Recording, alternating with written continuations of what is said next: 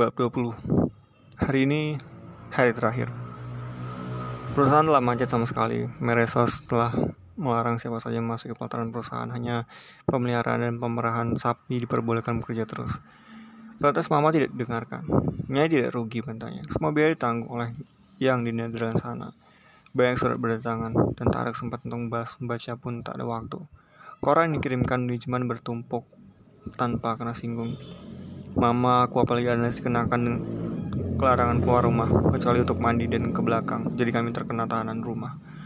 Dari kemah-kemahnya di pelataran para serdadu meresos keluar hanya untuk mengusiri orang yang menggerombol di pinggir jalan sana yang menyatakan simpatinya pada kami barangkali atau hanya untuk menonton saja. Alias kelihatan agak normal walau kurus pucat matanya mati.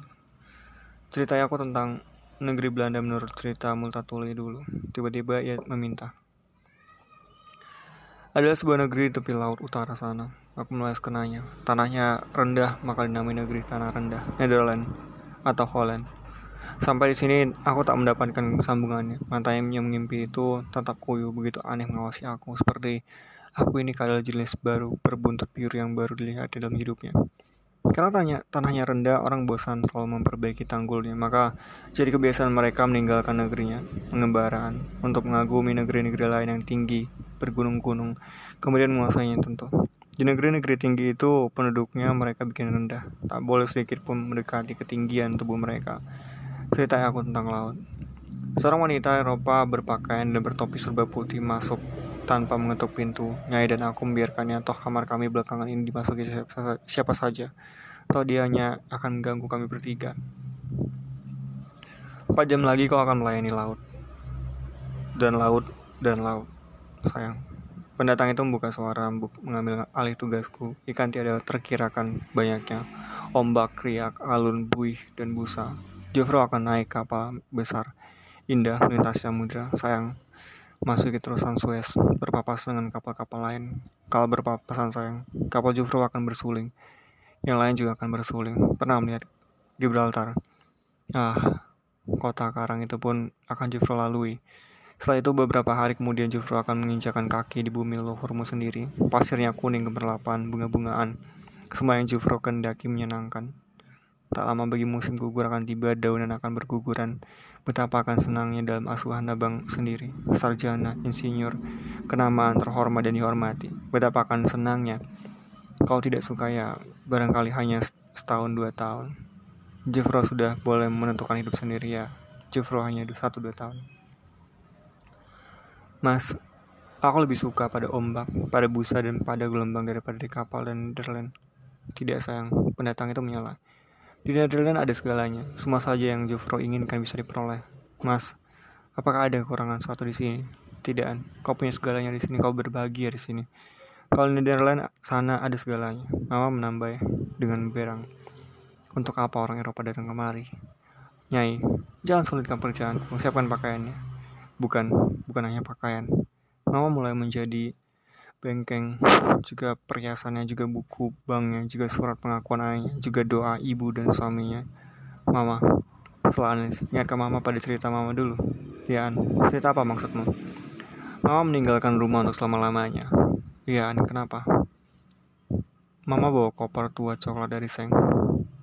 Ya, An, di mana koper itu sekarang, mah? Tersimpan dalam kamar sop. Saya penman. Aku ingin melihatnya. Mama pergi untuk mengambilnya. Waktunya sudah semakin dekat Jufro. Perempuan Eropa itu menyala. Baik Alex maupun aku tak menanggapi dan Mama datang membawa koper sayang kecil, coklat berkarat, peot, cekung dan cembung di sana sini. Alex segera menyambutnya. Dengan koper ini aku akan pergi, Ma. Nah, aku terlampau kecil dan buruk tidak pantas kan. Mama, dengan koper ini dulu Mama pergi dan bertekad akan kembali lagi. Koper ini terlalu memberati kenangan Mama. Biar aku bawa, Ma beserta kenangan berat di dalamnya. Aku tak akan bawa apa-apa kecuali kain batikan bunda. Hai koper ini, kenangan mama dan batikan bunda pakaian pengantinku. Masukkan sini. Sembah sungkemku pada bunda. Aku akan pergi mah.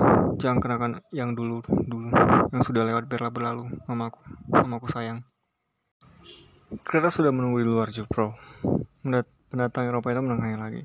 Apa maksudmu, An? Seperti mama dulu, mah. Juga aku tak akan balik lagi ke rumah ini. An analisan aku sayang. Seru mama dan peluknya istriku. Bukan mama kurang berusahaan, bukan aku kurang bela kau nak. Mama tenggelam dalam sedih-sedih penyesalan juga aku. Kami berdua sudah lakukan semuaan tanpa aku. Jangan, jangan menangis ma, mas. Aku masih ada permintaan ma, jangan menangis. Katakan, An, katakan. Mama mulai mengerung. Ma, beri aku seorang adik, adik perempuan yang akan selalu manis padamu. Mama semakin mengerung, begitu manis mah, tidak menyusahkan seperti anakmu ini sampai sampai apaan? Sampai mama takkan lagi merasa tanpa Anas ini. An, anakku, betapa tega kau bicara begitu. Ampuni kami tak mampu membela kau. Ampuni, ampuni. Mas, kan kita pernah berbahagia bersama. Tentuan, kenangkan kebahagiaan itu saja, Mas. Jangan yang lain. Ayo, Suruh seorang laki Indo dari pintu sudah dua menit terlambat berangkat. Mana sayang Jufro? Perempuan Eropa itu menuntun Alex, sekaligus Alex tenggelam dalam pisuan ketidakpedulian. Kehormatannya yang sebentar tiba-tiba lenyap. Ia berjalan lambat-lambat meninggalkan kamar, menuruni tangga dalam tuntutan Eropa, perempuan Eropa itu. Badannya nampak sangat rapuh dan terlalu lemah. Aku dan mama lari memapahnya menggantikan perempuan itu, tapi laki Indo dan perempuan Eropa itu menolak kami. Di bawah tangga telah berkerumun Maresos dan kami dihalau tak boleh mendekat. Maka kami hanya dapat melihat makhluk tersayang itu dituntun seperti seekor sapi dan berjalan lambat-lambat. Anak tangga demi anak tangga.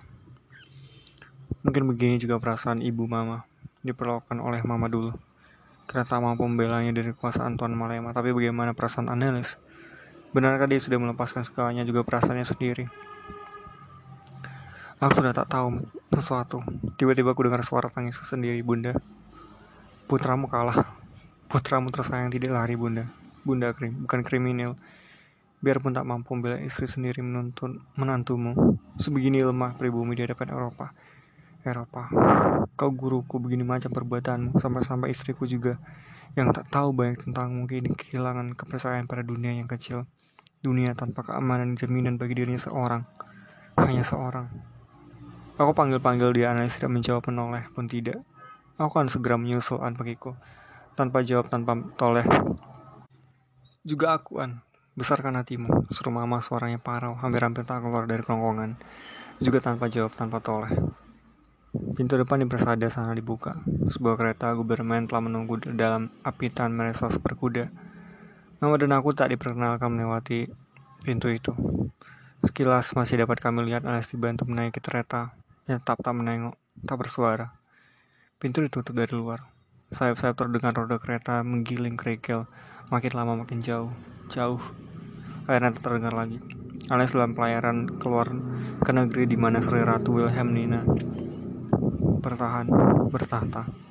Kami menundukkan kepala di belakang pintu. Kita kalah, mah, bisiku. Kita telah melawan anaknya, sebaik-baiknya, sehormat-hormatnya. Buru, Lisan 1973, Tulisan 1975